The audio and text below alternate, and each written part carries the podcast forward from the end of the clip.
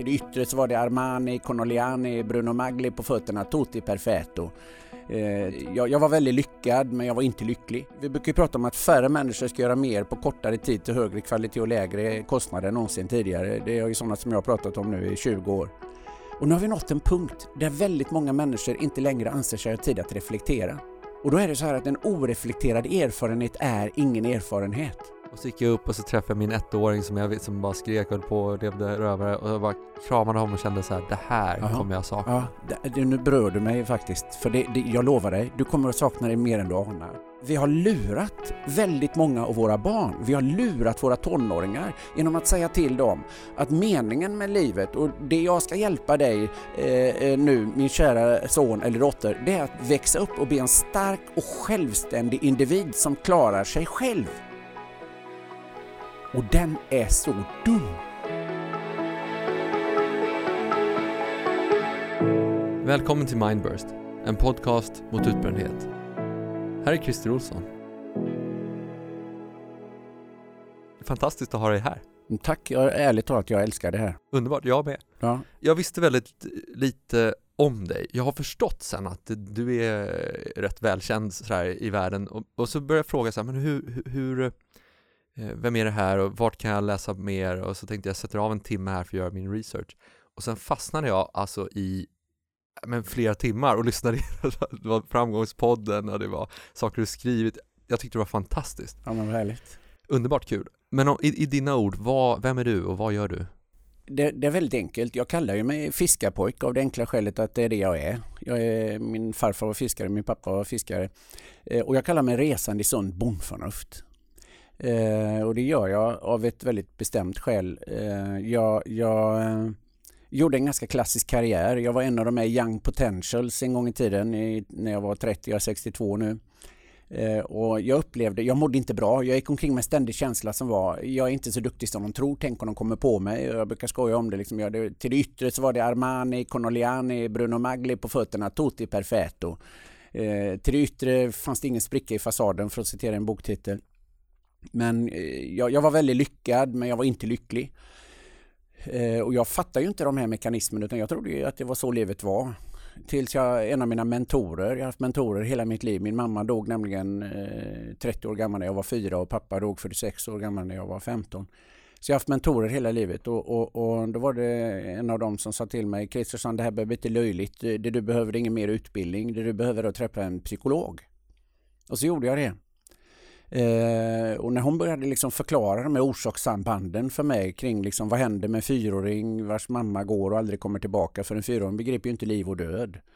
Eh, och vad händer med en fyraåring som har det i bagaget sen när liksom, eh, pappa dör när jag är 15 och hon började förklara för mig liksom det här med liksom att, eh, kompensationspsykologi och revanschism och liksom, eftersom jag inte var någon skulle jag ju bli någon. Eftersom jag inte var något skulle jag ju bli något och det är väldigt starka drivkrafter och de tog mig ärligt till den absoluta toppen. Eh, men jag mådde inte bra och när hon började förklara de här sambanden och jag började förstå de här sakerna och de samtalen jag hade med henne så kände jag liksom bara ett Herregud vilken känsla. Och jag börjar se de här kostymerna som hängde där som eh, rustningar och bestämde mig för att jag ska inte in i dem igen. Och då hoppade jag av och började läsa psykologi och började liksom, eh, börja med mig själv som det ofta är. Faktiskt. Så att, eh, och då var min idé att förenkla för jag tyckte jag ledde en värld där alldeles för många krånglade till alldeles för mycket alldeles i onödan. Och därav att jag kallar mig resande i sunt förnuft. För jag tyckte liksom, egentligen är inte det här så krångligt med att vara människa. Det är vi som krånglar till det i onödan. Ja, och idag så är det ju mer krångligt än någonsin på många sätt. Trots alla verktyg vi har som ska förenkla och effektivisera. Ja. Hur tror du att uh, den här utvecklingen har påverkat oss som människor? Oerhört mycket. Det är därför jag uppskattar att få, få, få föra det här samtalet. Jag kallar ju mig som jag sa fiskepojk och resande i sunt förnuft i många år. När jag, jag har jobbat med det här i 26 år. Eh, så jag tror inte jag är så känd men jag har träffat väldigt många människor eh, under 26 år. Och eh, I början var jag noga med det här med sunt bondförnuft. Sen fejdade det bort. Och så blev jag bara Christer Olsson som jag ju heter och jag tyckte nej jag har inte på fjanta med det där. Men sen två år tillbaka är jag jättenoga igen med att eh, kalla mig för resande i sunt förnuft. Eh, på som det brukar heta förekommen anledning. Jag träffade, jag, jag, när jag var ute och jobbade så märkte jag nämligen att alldeles för många människor börjar krångla till saker och ting. Intellektuellt så vet vi ju att är du riktigt duktig på någonting så kan du förklara komplicerade saker på ett enkelt sätt. Men jag brukar säga vilken amatör som helst kan krångla till det allra enklaste och få det att låta väldigt komplicerat. Och då börjar jag fundera, det är ju det som är mitt jobb. Min metodik är väldigt enkel. Eh, det jag jobbar med och den metodik jag använder det är att försöka identifiera vad gör de som får livet att funka för närvarande? Och vad gör de som inte får det att funka? Och vad är skillnaden? Och det är det jag är ute för att lära mig. Så jag ser mig idag mycket mer som elev än förkunnare utan jag lär mig först och sen försöker jag förmedla det jag lär mig. Mm. Det är liksom min tågordning. Och då börjar jag fundera på, men vänta ett tag här nu för ett par år sedan där så hände det här. Vad, vad, vad är det som händer? Varför? varför? För det, det, det, har jag absolut gjort mig skyldig till själv. Men vad är det som händer? Varför krånglar folk till saker och ting? De vet ju liksom att det här inte är bra. Och jag fann ett orsakssamband utan att bli för lång i ett sånt här fora. Eh, förlåt mig du som lyssnar att jag blir långrandig. Men, men jag fann ett orsakssamband. Vi människor, vi har under 10 000 generationer lärt oss av och med varandra med verkligheten som pedagogiskt verktyg. Vi har inte haft böcker och papper och skola och eh, ännu modernare verktyg som vi inte ens behöver kommentera för de är så färska eh, att de går inte att mäta i ett evolutionärt perspektiv. Utan vi lärde av och med varandra med verkligheten som pedagogiskt verktyg. Vi satt där vid lägerelden och berättade hur jakten hade varit, hur det var när jag fångade nötter och rötter eller var ute och letade efter nötter och rötter, hur det var hemma här med barnen. Och, och alltså, vi berättade för varandra. Och, sättet att lära varandra saker och ting, det var genom berättelser som sen skrevs ner. Någon kallas bibel, någon kallas något annat. Vi berättar berättelser för varandra som skulle lära oss hur vi förhöll oss till varandra. Ni vet det, du vet det väldigt moderna begreppet storytelling. Ja. Det har vi hållit på med i några tusen år. Det är därför vi appellerar till det. Och det som hände här för ett tag sedan, vi brukar prata om att färre människor ska göra mer på kortare tid till högre kvalitet och lägre kostnader än någonsin tidigare. Det är ju sådana som jag har pratat om nu i 20 år. Och nu har vi nått en punkt där väldigt många människor inte längre anser sig ha tid att reflektera. Och då är det så här att en oreflekterad erfarenhet är ingen erfarenhet. Är du med? Ja, ja absolut. Ja. Det, det är ju, tittar vi bara på hur mycket data vi har i samhället idag ja. så är det ju, det är i storleksordningen 100 000 procent mot ja, vad vi hade för tio år sedan. Och eh, den, det kognitiva utrymmet för att liksom eh, dels ta in saker ja, ja. men också sen reflektera över dem. Det har ju ersatts av att ta in nya saker i sin Facebook-feed eller ja. vad det nu är. Och det är bara nytt och nytt och nytt och nytt och vi bygger bara lager på lager på lager på lager och vi reflekterar inte. Eh, eh, orsak och verkanssamband. Eh, alltså, och då, då säger jag att, att en oreflekterad erfarenhet är ingen erfarenhet. Och det innebär att människor gör idag varje dag nya erfarenheter. Din hjärna är inte dummare än att den lär sig. Den försöker hjälpa dig att överleva, den försöker klara sig och orientera sig i den här världen som vi lever i. Så den lär sig en massa saker och, och den aggregerar den kunskapen i hjärnan. Och konsekvensen är att du kommer att lära dig en massa saker som du inte vet att du vet. Och risken är då, ja, det har du säkert hört på något inslag på Youtube eller någonstans, risken är då att du kommer att vet, tro att du bara vet det du vet att du vet och då får du aldrig reda på hur mycket du vet men inte vet att du vet. Och tragiken i det är att hjärnan använder naturligtvis både din medvetna och din omedvetna kunskap. Det innebär att andra människor kommer uppleva dig mer kapabel, kompetent, färdig och förmögen utifrån och in än du upplever dig inifrån och ut. Och där har du imposter syndrom. Det, det här tror jag gick väldigt fort för folk. Ja. Eh, och för det är många, men, men det, det, du säger det är alltså att jag tar hela tiden in och lär mig saker, ja. men när jag inte reflekterar så, för, så, förstår jag inte att jag har lärt mig de här sakerna. Nej. Och då får jag eh, inte jag, jag, känner inte mig själv. Jag känner Nej. inte till min egen kapacitet. Så är det. För, för, tack för förtydligandet. För det här är nämligen, när jag pratar om det här och när jag jobbar med det, för det här är ju så här jag möter en människa. Du vet så oändligt mycket mer än du vet att du vet. Du har det i dig, du behöver inte en kurs till, du behöver inte en masterutbildning, du behöver inte lyssna på fler sådana som mig eller Tony Robbins eller någon annan. Du har det i dig, du behöver bara börja lita på dig själv, släpp dig fri. Våga lämna alla koncept, lämna rätt sätt, hitta ditt sätt, släpp dig fri. Det, det är väldigt mycket där hemligheten är. Eh, och för det orsakssamband som jag eh, pratar mycket om idag det är att det, det här leder ju i en värld där vi dessutom Vi pratade när vi gick in i studion här förut om dina tre små barn. Eh, och eh, det, det, det, mitt viktigaste budskap idag, alla kategorier, det är att vi har lurat väldigt många av våra barn. Vi har lurat våra tonåringar genom att säga till dem att meningen med livet och det jag ska hjälpa dig eh, eh nu, min kära son eller dotter, det är att växa upp och bli en stark och självständig individ som klarar sig själv. Och den är så dum. För det är rakt emot våra gener. Vi har i 10 000 generationer levt tillsammans med andra. Så vad vi borde säga, jag ska inte dra hela liksom, eh, föreläsningen, men det vi borde säga, det är min älskade eh, flicka, pojke, vad vi nu har för språk.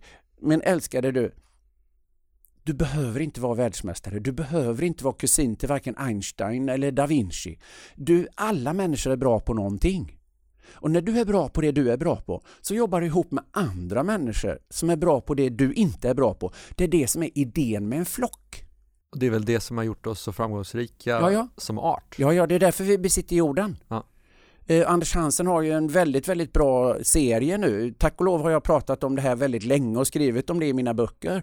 Bara det är ju liksom ett tillsammansprojekt. Jag är dyslektiker, ganska grav dyslektiker. Eh, hur skriver en dyslektiker böcker? Tillsammans. Ja. Det, var, det är så vi är gjorda. Alltså, jag lever ju dessutom idag. Jag gick i obsklass när jag gick i grundskolan. Varför det? Jo, för jag pratar för mycket. Jag lärde mig inte på rätt sätt. Jag pratar för mycket. Och vad lever jag på idag? jag lever ja, på du, att prata. Du är som ett bi som åker runt och hämtar pollen på ett ställe och släpper av på ett annat ställe.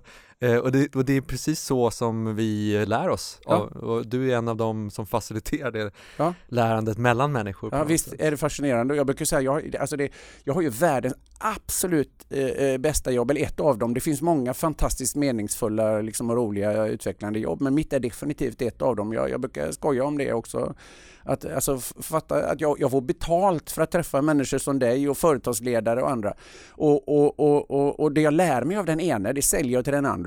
Där jag lär mig nya saker som man kan sälja till den tredje i en evig process eftersom jag först vill förstå innan jag försöker göra mig förstådd. Ja. Så det är ett konstant lärande och, och, det är egentligen det som är hemligheten. Om, om alla bara hade den inställningen. Jag är inte här för att förklara hur duktig jag är utan jag är här för att lära mig någonting av dig då händer det någonting i mellanmänskliga relationer. Det är ganska okomplicerat egentligen. Ja men verkligen. Och det är också då som du faktiskt får, för jag tror många, man träffar en sån person som du är eh, och man kanske är betydligt mindre erfaren i något, någon mening eh, att man liksom är, blir lite nervös, man säger, ja men jag kan inte lära dig någonting och, och om du då eh, hjälper mig att öppna upp, då lär ju du dig av mig. Ja. Eh, och det, det där gäller ju inte bara i den här relationen, nej, nej. det gäller ju alla relationer ja. för vi är bra på olika saker. Ja, ja.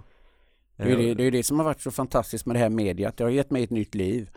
Och du nämnde Framgångspodden och Alexander Pärleros eh, som, som eh, via honom, jag fick alltså, jag har fått, nu är jag uppe i 1700 mejl efter att eh, de inslagen hos Alexander och det, det, det det, det har gett mig en fantastisk insikt om vad är det människor brottas med i sin vardag för närvarande. Det är därför jag också har förflyttat mina budskap. Och jag har också kommit i kontakt med liksom ett antal killar och tjejer och fått lära mig liksom helt nya tankesätt och idéer som, som har utvecklat mig jättemycket. Jag driver ett koncept som heter Fearless Minds eh, ihop med Maria och Sofie som, som eh, är jättespännande. Liksom att, nej, det handlar inte om liksom, eh, att gå emot dina rädslor för då flyttar du i amygdala och agerar. Utan det handlar om att flytta upp i pannloben, se till att skapa en miljö där du inte är rädd och får tillgång till frontala pannlobens hela intellekt. De har lärt mig jättemycket. Så att eh, det är ständigt en lärprocess. Ja, vi har ju en massa automatiska funktioner som är, finns till för att vi inte ska behöva eh, manuellt be bearbeta varenda intryck liksom. Det är bara att om de då är felinställda på något sätt, ja men då, då gör vi de sakerna automatiskt och det är där det blir värdefullt att just reflektera. Eh, och nu är det modernt att prata om meditation men det är också en form av eh, reflektion och, bara landa i vad man faktiskt upplever ja. utan att applicera alla de här meningarna ja. på det. Ja. Men jag, jag har en, en fråga om om jag är en helt vanlig person och jag har inte kanske stannat upp och reflekterat så mycket över min tillvaro eller, eller mitt liv och uh, jag behöver någon typ av verktyg. Jag vet att du har nämnt ett verktyg som var att bara men stanna upp och bara skriv ner det du tycker att du är bra på. Eh, det var en sak du nämnde som för mig var så här, just det, det kan man göra ja. För, för att just synliggöra vad jag har för kompetenser egentligen inför mig själv. Ja. Men har, eh, och det är ett sånt konkret verktyg. Har Ja. du något annat konkret verktyg som folk bara kan idag använda? Och, Ja, samtalet. Mm. Alltså det, det, det, det verktyg du beskrev, det är ju det jag skriver. Skriv upp allt som har hänt dig i livet. Skriv upp vad måste man faktiskt ha för färdigheter och förmågor för att klara det du har klarat i livet. Du, du har tre små barn och liksom, alltså det finns massor av färdigheter och förmågor man har utan att man tänker så mycket på det. Och det är en wow-upplevelse liksom för väldigt många. Och aha. Eh, sen kan du parallellt ytterligare en kolumn skriva upp vad, vad behöver man för utbildning. Men en annan, ett annat sätt än att skriva upp det, det är att samtala om det. Eh, Att, eftersom livet är ett tillsammansprojekt, att våga börja öppna sig för varandra, att prata med varandra. Snälla, kan inte du liksom... Du säger ibland att, att du tycker att jag är duktig och du tycker jag är bra. Varför tycker du jag är bra? Jag lovar dig, det är ett så häftigt samtal. Och att liksom, kan inte du bara liksom, tänk till lite på det och så berätta för mig, vad är det du tycker eh, jag gör som är bra? Och, och, sen naturligtvis alltså, få feedback. Och vad tycker du? Liksom, vad skulle du i vår relation uppskatta att jag gjorde mer eller mindre? Det är ju också att få en feedback för att jag vill liksom, utveckla vår relation. Men för, det är inte så nödvändigt alltid. Det är ett normalt feedbacksamtal. Men be någon bara boosta dig genom att berätta vad är det du tycker att jag är bra på? Och så stanna i det. Vila i det. Eh, För det samtalet är jättespännande och kommer att påverka dig mer än vad du tror. det är ju ett jättebra konkret förslag. Ja. Eh, det är ju, jag tror att om, om, om du ställde den frågan till mig så tror jag att jag skulle svara ungefär så här att det finns många som jag pratar med som är, säger väldigt smarta saker som jag inte riktigt förstår alltid. Eh, och det är, jag kanske inte har begreppen eller orden eller i värsta fall har ju inte de heller det då enligt, eh, enligt, dina tidigare erfarenheter. Men det samtalet går mer ut på att de ska visa mig hur, hur eh, smarta de är. Och, och det kan vara fine. Alltså det kan ju vara en, en högst liksom relevant sak om de ska vara konsulter till mig eller något, något annat. Men det du gör det är att du berättar saker för mig som jag faktiskt kan använda. Konkreta Ja, saker som är användbara. Tack, du boostar ju min dag. du gav mig själv exempel på mitt eget verktyg. Tack så hemskt mycket. Ja, men det, Eh. och jag menar det verkligen, jag, jag har eh, redan, redan från igår när jag lyssnade på eh, en, en av de här inspelningarna så, så har jag redan börjat använda de sakerna. Ja men tack. Eh, Och det tror jag är det som är så otroligt eh, starkt med ditt budskap, att det är sunt, sunt bondförnuft, det är inte massa jargong, det är liksom konkreta saker du kan göra idag. Tack så hemskt mycket. Det, och det, det, för det är det jag brinner för. Det, och det är ju det, det är den feedbacken. Jag brukar också säga att den, den enda sanna feedbacken det är när man träffar människor igen. Jag vill träffa er igen. Jag får komma tillbaka till en kund. Jag får, någon frågar om coachning eller annat.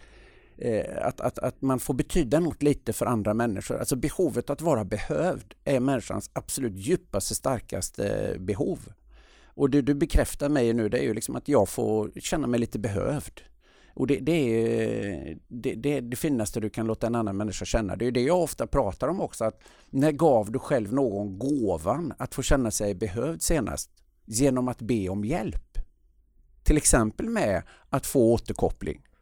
Just det. Och det, det är ju någon slags, eh, det finns ju en, en väldigt känd bok som heter Man's Search for Meaning av Viktor Frankl, eh, som är fantastisk Ja, för de som inte har läst den, eh, om en, en, en man som satt i ett koncentrationsläger och var tvungen Ja. att hitta ett sätt att överleva. Och det var just, han kom fram till att mening var liksom det som var grejen, och det är precis det du säger fast med andra ord, att, eh, att, eh, att känna sig behövd.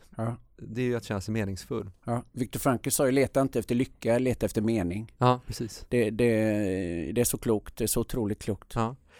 Eh, men, eh, underbart. Och den här, det här eventet nu där du ska prata, Mindburst, som, Ja. som är anledningen till att vi sitter här, och vilket jag är otroligt tacksam för förut att vi fick tillfälle att göra. Eh, Det handlar ju om eh, utbrändhet och Ja. hur vi ska förebygga det och, och hur vi ska kunna jobba för att, eh, för att slippa det och för att kunna ta oss ur det om vi har hamnat där. Ja. Och vad är din syn på det? Hur har vi hamnat i den här situationen där fler och fler människor blir utbrända? Uh, mitt, mitt svar är faktiskt, och det jag kommer att prata mycket om på Mindbirth och uppskattar väldigt mycket att få privilegiet att vara med. För där ska vi prata om de här viktiga frågorna, liksom hur hamnar vi här? För om vi inte liksom ser vägen hit så är det svårt att se vägen härifrån. Eh, och jag menar ju då att, att, att mitt svar, det är inte rätt svar eller det enda svaret, men mitt svar är vi hamnar här för att vi lurar våra barn till att de ska vara så starka och självständiga och klara sig själva och dugliga och kapabla. Eh, och alla ska vara akademiker och högutbildade. Jag hade en fantastisk intressant erfarenhet häromdagen som har fått in mig på ett tankespår som jag inte blir fri ifrån. Och det var att eh, jag, jag, skulle vara på Karolinska och jobba. Eh, jag skulle möta en avancerad personalgrupp där. Och eh, jättekul och lite taggad sådär. Skulle ha dem två timmar. Det var eh, nu i fredags. Eh, jag sitter på hotellet och ringer till taxi och skulle beställa en taxi. Jag ska till, till eh, en adress. Jag ska inte kanske sitta i det här forumet och säga adresser så, men jag ska till den adressen. Och då sitter en tjej i taxiväxeln halv sex på morgonen och säger Ja, eh, eh ligger den i Solna eller ligger den i, vad är det, Karolinska finns också i eh, Huddinge? Jag så ursäkta, kan det finnas, det, det var Alfred Nobels allé 10 var det, det var inga konstigheter. Eh, eh, finns det en Al Alfred Nobels allé 10 i, i Huddinge också? Ja det gör det. Ja, nej, men jag utgår från att det är Solna, jag ska ju till Karolinska. Karolinska för mig är Solna. Ja, det ska du nog kolla upp, säger hon då. Ja, vänta ett tag då. Har du tid? Ja, ja. Så jag går in i min mail eh, och kollar. Ja, mycket riktigt, jag skulle ju till Huddinge. Eh, och då insåg jag, herregud, Alltså hade hon inte räddat mig där, då hade jag åkt till Solna och stått i Solna och undrat var är de? Och de hade varit i Huddinge och undrat var är han? Och vi hade verkligen meckat för att få till det här mötet för jag hade egentligen ingen möjlighet utan vi fick till det. Och sen hade jag en halvtimmes marginal för att ta mig till ett annat eh, event klockan 11. Och, eh, och då i taxin sen så slog det mig, hon har faktiskt räddat min dag. Eh, och då funderar jag på, hur många människor har jag redan servats av? De som byggde, alltså, då, då spårar jag iväg. De som byggde traktorn som, som eh, bonden plogade åken med när han sådde säden som sen eh, transporterades till ett, eh, eh, en kvarn som malde det som transporterades av någon som kör en lastbil till ett bageri där är bagare som jobbar och, och bakar bröd som körs till eh, hotellet där personal gör i ordning det, ställer fram det. Eh, Alltså är du med mig? Och, och jag checkar in så är det personal i receptionen. Städerskan har bäddat min säng. De har städat ja, korridoren. Någon har gjort tyget till sängen. Ja, ja, alltså det, ja. Taxichauffören kör mig till plats. Någon har gjort bilen vi åker i. Någon har lagt vägen vi kör på. Alltså fatta. Mm. Alltså så många människor hade när jag kom till Karolinska sen, de åkte på den föreläsningen. då hade jag servats av tusentals människor. Var det akademiker allihop? Nej, det är klart det inte Nej. Men är du med? Att vi behövs allihop. Vi har skapat en ångest i människor som är helt onödig. Där alla tror att de ska behöva vara märkvärdigare än vad de behöver vara. Det är det ena. Och det gör att då tappar vi det här tillsammansperspektivet. För det är ju tillsammans, jag är beroende av de människorna för att jag ska kunna göra mitt. Och de är beroende liksom av andra för att de ska göra sitt. Vi är alla beroende av varandra. Och vi behöver hitta tillbaka. Alltså jag säger ju helt enkelt att framtiden finns i det förflutna. Ja. Nej men det handlar ju om att på något, sätt är vi ju en stor organism. Sen har vi en illusion av ett ego också, som i och för sig är väldigt användbar illusion då. Ja. Eh, för den får oss att, ge oss drivkrafter och sånt där. Men i grund och botten så är vi ju ett, en stor organism och ett stort liv ja. eh, som vi alla hjälps åt att leva liksom. Och det blir väldigt tydligt när man gör just den där tankeövningen du just gjorde. Ja. Eh, och hur, hur vi, jag menar, ingen av oss, även om jag är världens bästa matematiker så kan jag inte ta fram ett datachip själv liksom. Och, Eh, det, det, är fascinerande men det där ger ju också någon slags riktning för vad meningen med livet egentligen är. Det är ju ja. på något sätt att uh, göra min del i det stora livet. Uh, och det är, det är vackert. Och paradoxen är att A. De tror att de ska behöva vara något de inte liksom behöver vara. B. De är mycket mer än de själva tror att de är. Det är stress. För mm. stress är, alltså uppstår i, i, i, när det uppstår obalans mellan upplevd förmåga och upplevda krav.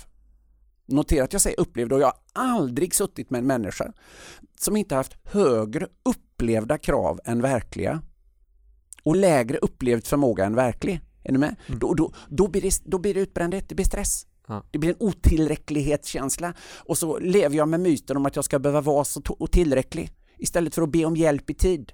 Hjälp, jag klarar inte detta.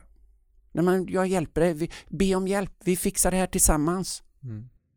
Nej men det är, det är så enkelt Ja, det är faktiskt det. egentligen. Eh, och någonstans så i, i rädslan och i, i, i stressen så letar man efter de komplicerade svaren för man tror att det är ett komplicerat problem Ja. för det känns ju så tungt. Ja. Eh, nej, det, är- det är otroligt eh, fint och det är ett fint budskap och jag tror att det är väldigt sant.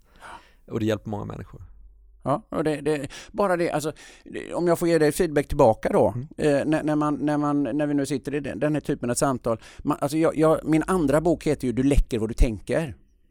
Eh, och alltså det, det här med, med att, att, att, att eh, vi läcker vad vi tänker, för du, inte explicit såklart, men jag känner liksom vad du tänker när jag möter dig.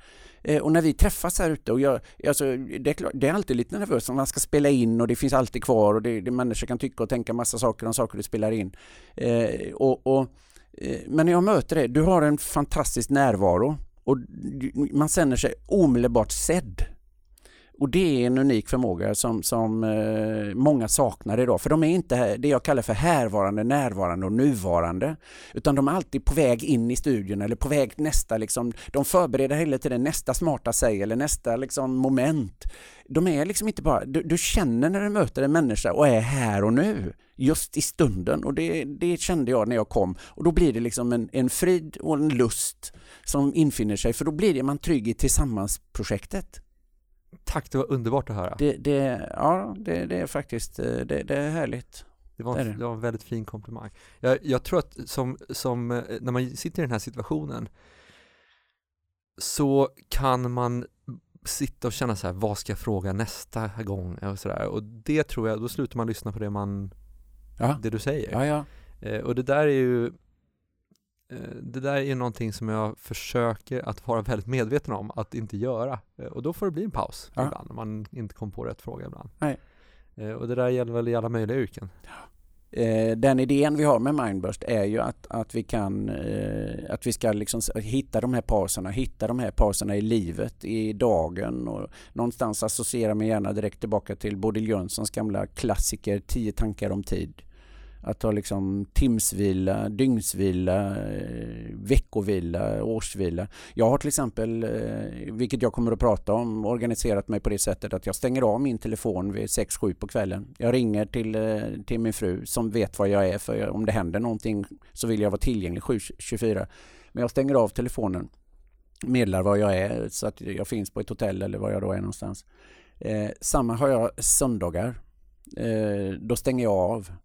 Eh, alltså alla filosofier, om du läser klassiska filosofier, i vår värld kallar vi den för kristendom, men alla filosofier, alla berättelser innehåller en dag i veckan då du gör ingenting med gott samvete. Och det är ju inte för att de inte haft behov av att jobba 7-24 eh, förr. Utan det är för att de, de begrep att du orkar inte, du behöver en vilodag i veckan då du gör ingenting med gott samvete och notera att att göra ingenting är ett verb. Ja, alltså idag så skulle jag säga att det är helt försvunnet. Ja. Det är ju, menar, Och hur mår vi? ja exakt. Ja. Nej, jag kan känna när man kommer tillbaka efter helgen att man, åh, äntligen måndag. Eh, och, och jag älskar att vara med mina barn, men det är ju hårt jobb. Ja, ja. Varför känner jag det egentligen? ja, det är en intressant reflektion. Eh, det borde ju inte vara det på det sättet. Men det, det, ehm, det tror jag många, eller det vet jag att många känner. Jag har ju många kompisar som är föräldrar och de känner, att kommer tillbaka till jobbet, åh, jag kan slappna, slappna av. Och den, för, ärligt talat, den känslan tror jag, den, den, det är en period liksom med hårt arbete. Det som är så fascinerande med barn, det är att det blir bara roligare och roligare. För varje dag blir det bara roligare och roligare och roligare. Mina är idag eh, 26, 30 och 32 och jag har fått barnbarn och det är helt unikt. Alltså, livet bara utvecklas, utvecklas, utvecklas hela tiden. Men den perioden du är i, då ska man ha gott samvete för att man faktiskt eh, kan känna så. Det är inget konstigt, tvärtom. Liksom det är fruktansvärt mycket och det är nätter och det är gråt och det är ont och det är allt det där.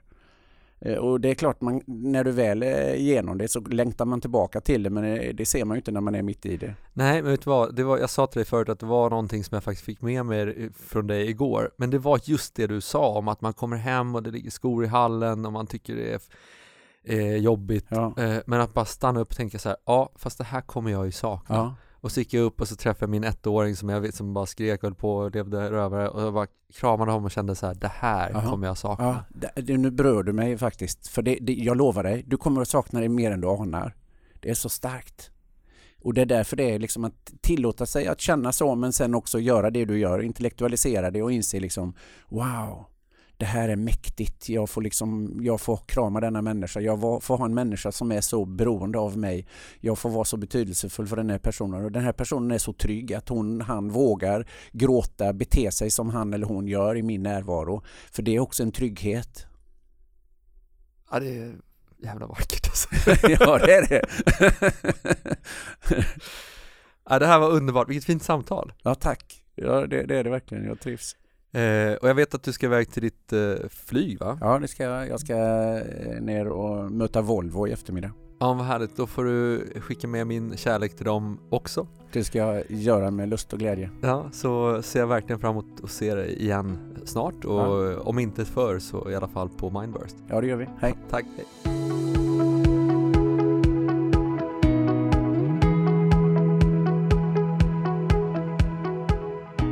Tack för att ni lyssnat.